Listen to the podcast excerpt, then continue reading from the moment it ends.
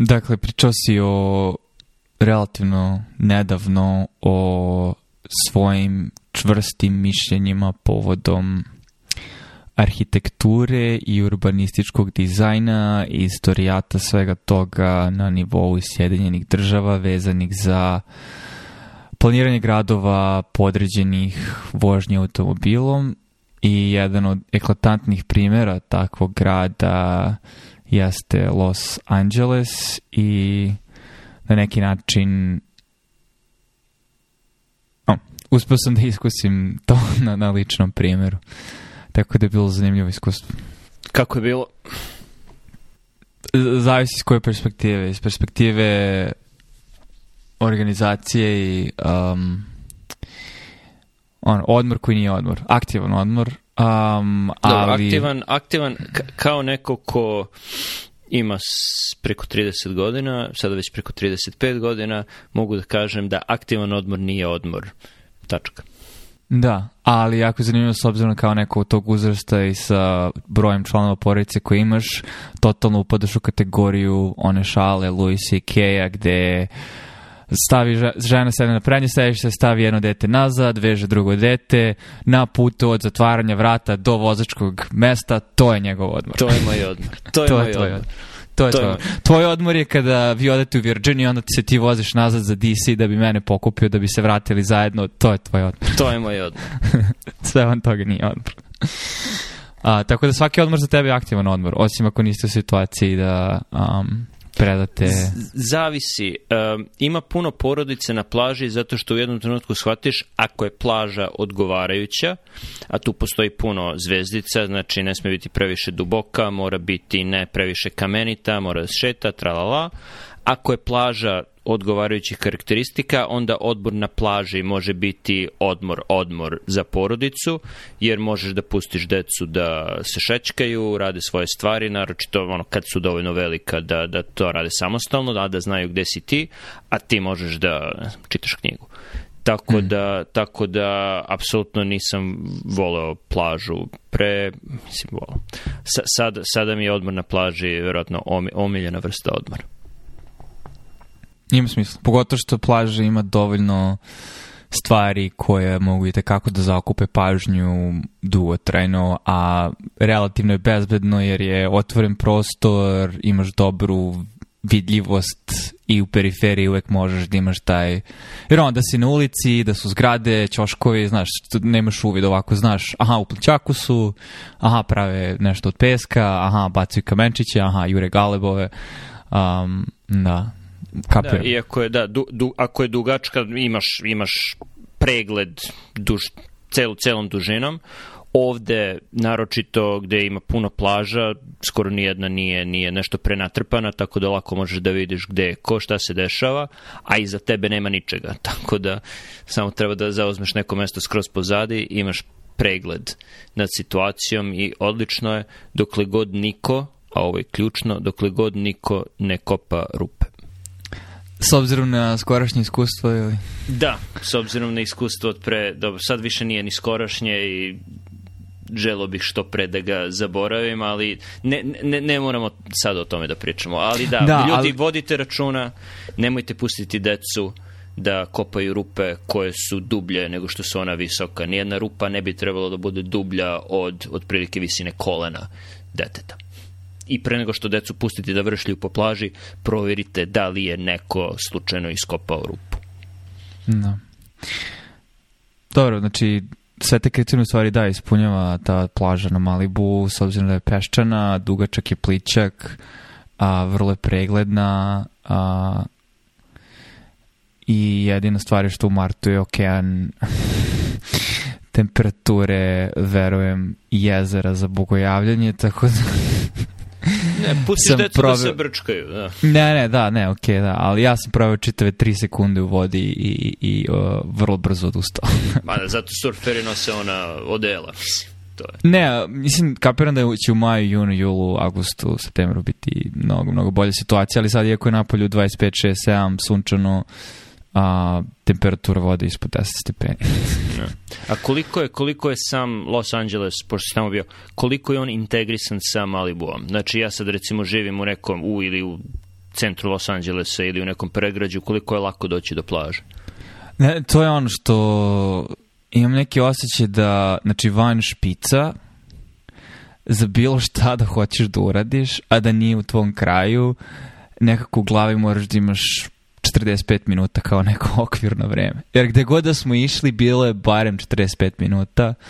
Um, znači i, Santa Monika i, i Malibu s, s, toliko je razlođeno, nenormalno razlođeno. Znači kad smo sletali, pošto ono, bilo je nije bilo baš najvedrije vreme, tako da nisam mnogo video iz prozora, ali ono što ja sam vidio kad smo sletali, grad sam izgleda kao uh, znaš, ono fosforescencija okeana kada mm. ovaj plankton, e, tako izgleda, izgleda kao jedno more prepuno svetlećih tačkica skoro pa dokle pogled seže, neverovatno koliko je razuđeno i koliko samo u tom centru u principu imaš a, oblak odere, nebodere, a pritom je sam centar katastrofa, ono, u smislu Kaepernik Kalifornije te kako ima taj problem s obzirom na relativno ok temperature u toku godine, ali uh, beskućnika je svuda i ono što je čudno je što za razliku, jer svi imamo sad neke svoje predrasude i, i sve ne predrasude, ali jednostavno filtere, ono kad ideš ulicom i kako analiziraš stvari je da profil beskućnika u, u Los Angelesu nije isti kao u New Yorku ili DC-u, dosta mnogo mlađih ljudi, dosta ljudi koji uopšte i ne deluju kao da su beskućnici, što, mislim, opet veže se, veže se donekle za arhitekturu, barem u zgradama, u downtownu, jer ima i zgrada, je jako zanimljivo na koliko nivoa a, koliko barijera treba da pređeš da bi došao do stana, jer nije samo um, vrata koje se isključavaju na ključ, nego i kada uđeš, i naravno neke zgrade imaju recepciju, nego i kada uđeš u lift, treba ti ključ da bi aktivirao lift od tvog stana. A, zgrada u kojoj smo mi bili je na onaj fob, tako da ne možeš ni da odeš na drugi sprat osim svog i garaže, što mi opet neko, ljudi toliko ne žele da budu u kontaktu ni sa kim, dok su tu da mi to nekako, jako paradoksno, zašto bi onda uopšte živeo na takvom mestu ako, ako želiš da se toliko sekludiraš od, od, od stvarnosti. Ošaniš, Ali opet sa da. razlogom. Da, da zato što, i ono, u, i zanimljivo kako utiče na ponašanje neke drugi stvari, jer ono, vozač, u, nijedan vozač Ubera ne pušta dok ti u potpunosti ne potvrdi ko si, šta si. Znači, ne, ne možeš tek tako da uđeš u Uber.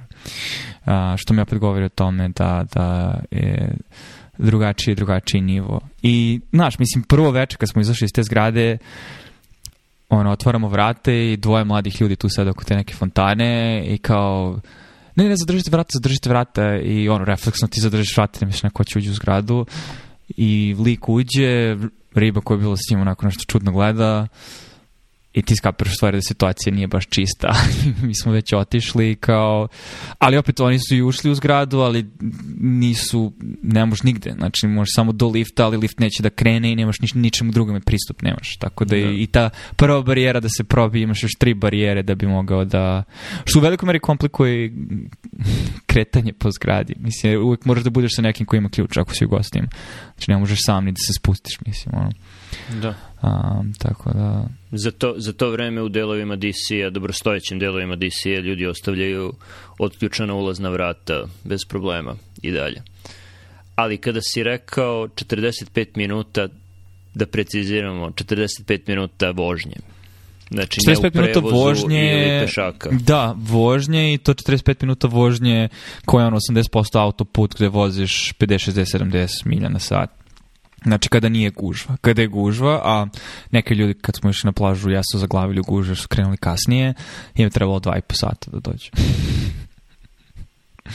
Tako da ovaj, je grad koji u velikoj meri zavisi od automobila I ono, mislim, možeš ti da pešačiš, ali ti voziš se kolima da bi došao deo grada, da ćeš onda da parkiraš auto, da bi onda pešačio. Dobro, ali da li ima delova grada gde, ok, ti živiš tu i imaš sve što ti treba tu i ne moraš da sedaš u auto? Ne. Znaš zašto? Zato što je nevjerojatno kako je čak i u lokalu, recimo kod te zgrade, um, petlje autoputeva su svuda okolo, a, zgrade su na različitim nivoima, tako ti kad gledaš mapu, recimo uključiš mape da, za orijentaciju i on ti kaže idi ovuda i ti skapiraš da ti ne možeš da prođeš nekuda, iako deluje da su ulice pod pravim uglom seku, zato što je jedna ulica iznad druge, ili bi morao da odrediš neki parkur preko neke ograde ili zida, tako da u principu... Um, i sve nekako zavučeno i bukvalno shvataš da ti kao pešača kako je nešto 5 minuta peška, recimo išli smo u prodavnicu pića, trebalo nam je 15 minuta dok smo skapirali kako uopšte da dođemo tu, a da si bio u auto samo i mogu putem da uđeš zato što je sve prilagođeno tome. Tako da čak i ono CVS, ono, apoteka, samousluga koji isto ono u drugom bloku moraš da sedneš na auto, da se malo uključiš na auto put i da se iskičeš da bi, da bi, ovaj, da bi, se, da bi došao tamo jer peške bi ti trebalo mnogo više vremena. Jednostavno nije, nije prilagođeno za pešake na taj način. Ja, jako, jako zanimljivo, ali ne baš i prijatno iskustvo. ali ko bi onda želeo tu da živi? To mi nije jasno. Pa ne znam, očigledno mnogo ljudi, s obzirom da mnogo ljudi. I mislim nije, a s druge strane sam ušao u sve to ono kao spreman da hejtujem, a, jer sam imao ta, tu, tu predrasud jer volim gradove koje možeš da šetaš, ali bez obzira na sve to opet je cool šetati ulicom dok su one visoke, visoke palme i, i kao da sunce nikad ne zalazi zato što je toliko svetlosti okolo, tako da uvek na horizontu je neka rozikasta izmaglica, nikad nije potpuni mrak i a, ono, sunce piči, prija, uh, a, lepo je vreme, nema kiše, a, i on, zanimljivo je. Mislim, ni, nisam, ni, ne, nije da ga mrzim, ali ne znam da li bih žao da živim u njemu. Um, I mnogo su koliko... lepe plaže, mislim. da, koliko si proveo tamo? Tri dana? Pa da, i dana. to je ono. Nije... 4-5 dana, da, tako da nije ni, ni, ni dovoljno da stekneš bilo kakav utisak, ali namerno nismo preterano forsirali, nego više onako spontano, čak taj prvi dan smo kao ajde idemo malo po po downtownu, što je ono, polu dobra, polu loša ideja. Isto nam je trebalo, znači da nađemo neku prodavnicu, ono, dok smo skapirali, to je na nekom skroz drugom nivou, da uđeš u tržni centar, iako je to napolju. I da, sve te neke čudne arhitektonske rešenja, kao da su tu da te zbune, zato što su kao, ne znam kako ti opišem, možda slično u Novom Beogradu, a, Znači ideš i kao odjednom je plato i tu sad neke žardinjeri to je kao neka zgrada deo tog bloka, ali odjednom dolaziš do ivici i shvataš da je to, pošto je ceo region brdovit i nije sravnjen, odjednom si na nekoj terasi koja je ono 20 metara dole i ti sad treba da pređeš na tu drugu stvar i ako nema stepenica ti u stvari shvataš da moraš kroz da se vratiš nazad, i izađeš tog bloka i da ideš glavnom ulicom da bi skrenuo tu ili ako ti je na mapi delovo logično da samo možda presečeš u sred blok. I onda kao da su namjerno tu da te zbune sve te neke zgrade i kao naš malo zelenilo, malo beton, kao neke kombinacije staklo, šta ti ja znam, ali sve nekako je zakukuljano, zamumuljeno, ništa nije, ništa ne djeluje kao da je logično. Znači kao da ideš u nekom snu i kao ono, mislio sam da imam u pravom pravcu, da ja se totalno izmenila geografija oko mene. Ovaj, to isto bilo vrlo čudno. I onda, znaš, tako neki deo da ono hipsterski kafić gde ljudi čekaju u redu za boba čaj, one šta već, ono 20 ljudi blena mekovima i šta ti ja znam i onda se spustiš samo blok niže i ulica smrdi na ljudska tela zato što je toliko uh, ubogih ljudi uh, šeta i, i, i ono zg, zgrade ono vibe 50-ih uh, Um, I onda sledeći red ti je ono Skid Row. ali 50. su bile zlatno doba Amerike, o čemu pričam? Znam, da, ali, ali ono o čemu ti pričam, znaš oni rotirajući znakovi uh, na benzinskim pumpama i, i takva arhitektura, ne, ne znam kako da ti opišem. I one zgrade, da li, da li većina zgrada ima parking mesta u, pr u prvom nivou? Da li su ono parkinzi ispod zgrade? Da, da, nekoliko nivoa ispod svake zgrade je parking. Da, i parking se svuda i garaže su svuda i to isto ono što on, svaka treća zgrada je garaža. Mislim, malo preterujem, ali u principu mnogo garaža. Ali opet, to je sad opet downtown, ne znam kako je, znaš, mislim, malo spolje kad smo išli, naravno, ide su kuće niže i to je kao polu predgrađe. Ali to, znači, ne znaš ni šta je predgrađe, ne, nemaš osjećaj, zato što je sve, se nadovezuje jedno na drugo. Mislim, ja, jako je uh, bizarno iskustvo u principu i ovaj... Um, postoje slike, pošto smo otišli na taj jedan vidikovac i tu se baš vidi koliko je... Znači, imao sam vrlo podeljeno osjećanje dok sam gledao taj pogled, zato što s jedne strane je vrlo monotono i a, kao kej, sve su ulice i kuće i kao ništa, samo dokle pogled seže, u isto vreme kao vrlo impresivno da sve su ulice i kuće dokle pogled seže. Jer ono, same po sebi nisu impresivne, ali količina toga i prostor zauza time jeste impresivan. I onda, znaš, kad ljudi kažu, a, neki grad umire ili šta ti ja znam, neko mi ne deluje logično da tek tako grad te veličine može da odumre ili umre, zato što je kao činovski organizam koji Mm. Ima delove koji su vratno manje nasiljen ili više. Ok, da, Detroit također. Detroit, ali... da, apsolutno koji ima milijon i 800 hiljada stanovnika 60-ih, 70-ih, sada ima koliko 400-500 hiljada. Tako da... da, ne, naravno. Lako je napustiti kuće, mislim, naravno, to se treba održavati. Ali onda će cena da padne, onda će ljudi da se... hmm. Ne znam. Sve idu ciklusi to mi je zanimljivo jer nisam bio nikad u, u Los Angelesu, ali sam bio više puta u San Diego i San Diego mi se baš svideo, jer sam očekivao nešto tipa LA-a, ali može svuda da šetaš, imaju dobar gradski prevoz, odličan čak, tramvaje, nema metro koliko, se, koliko mi se čini, i imaš jako lepe, ono, na jugu, ne sjećam se kako se zove, ali deo grada gde je Coronado, na severu La Jolla, svuda tu možeš praktično pešaka da dođeš, dobro za Lahoju malo, malo teže, ali ima autobusa do tamo, tako da mi se to baš svidalo. Tako da nije no. Da. Kalifornija cela takva. No, da, mislim, postoji razlog zašto toliko ljudi žive u toj državi. Mislim, bez obzira na poreze i sve ostalo. Um, I on, lošu infrastrukturu na određenim mestima.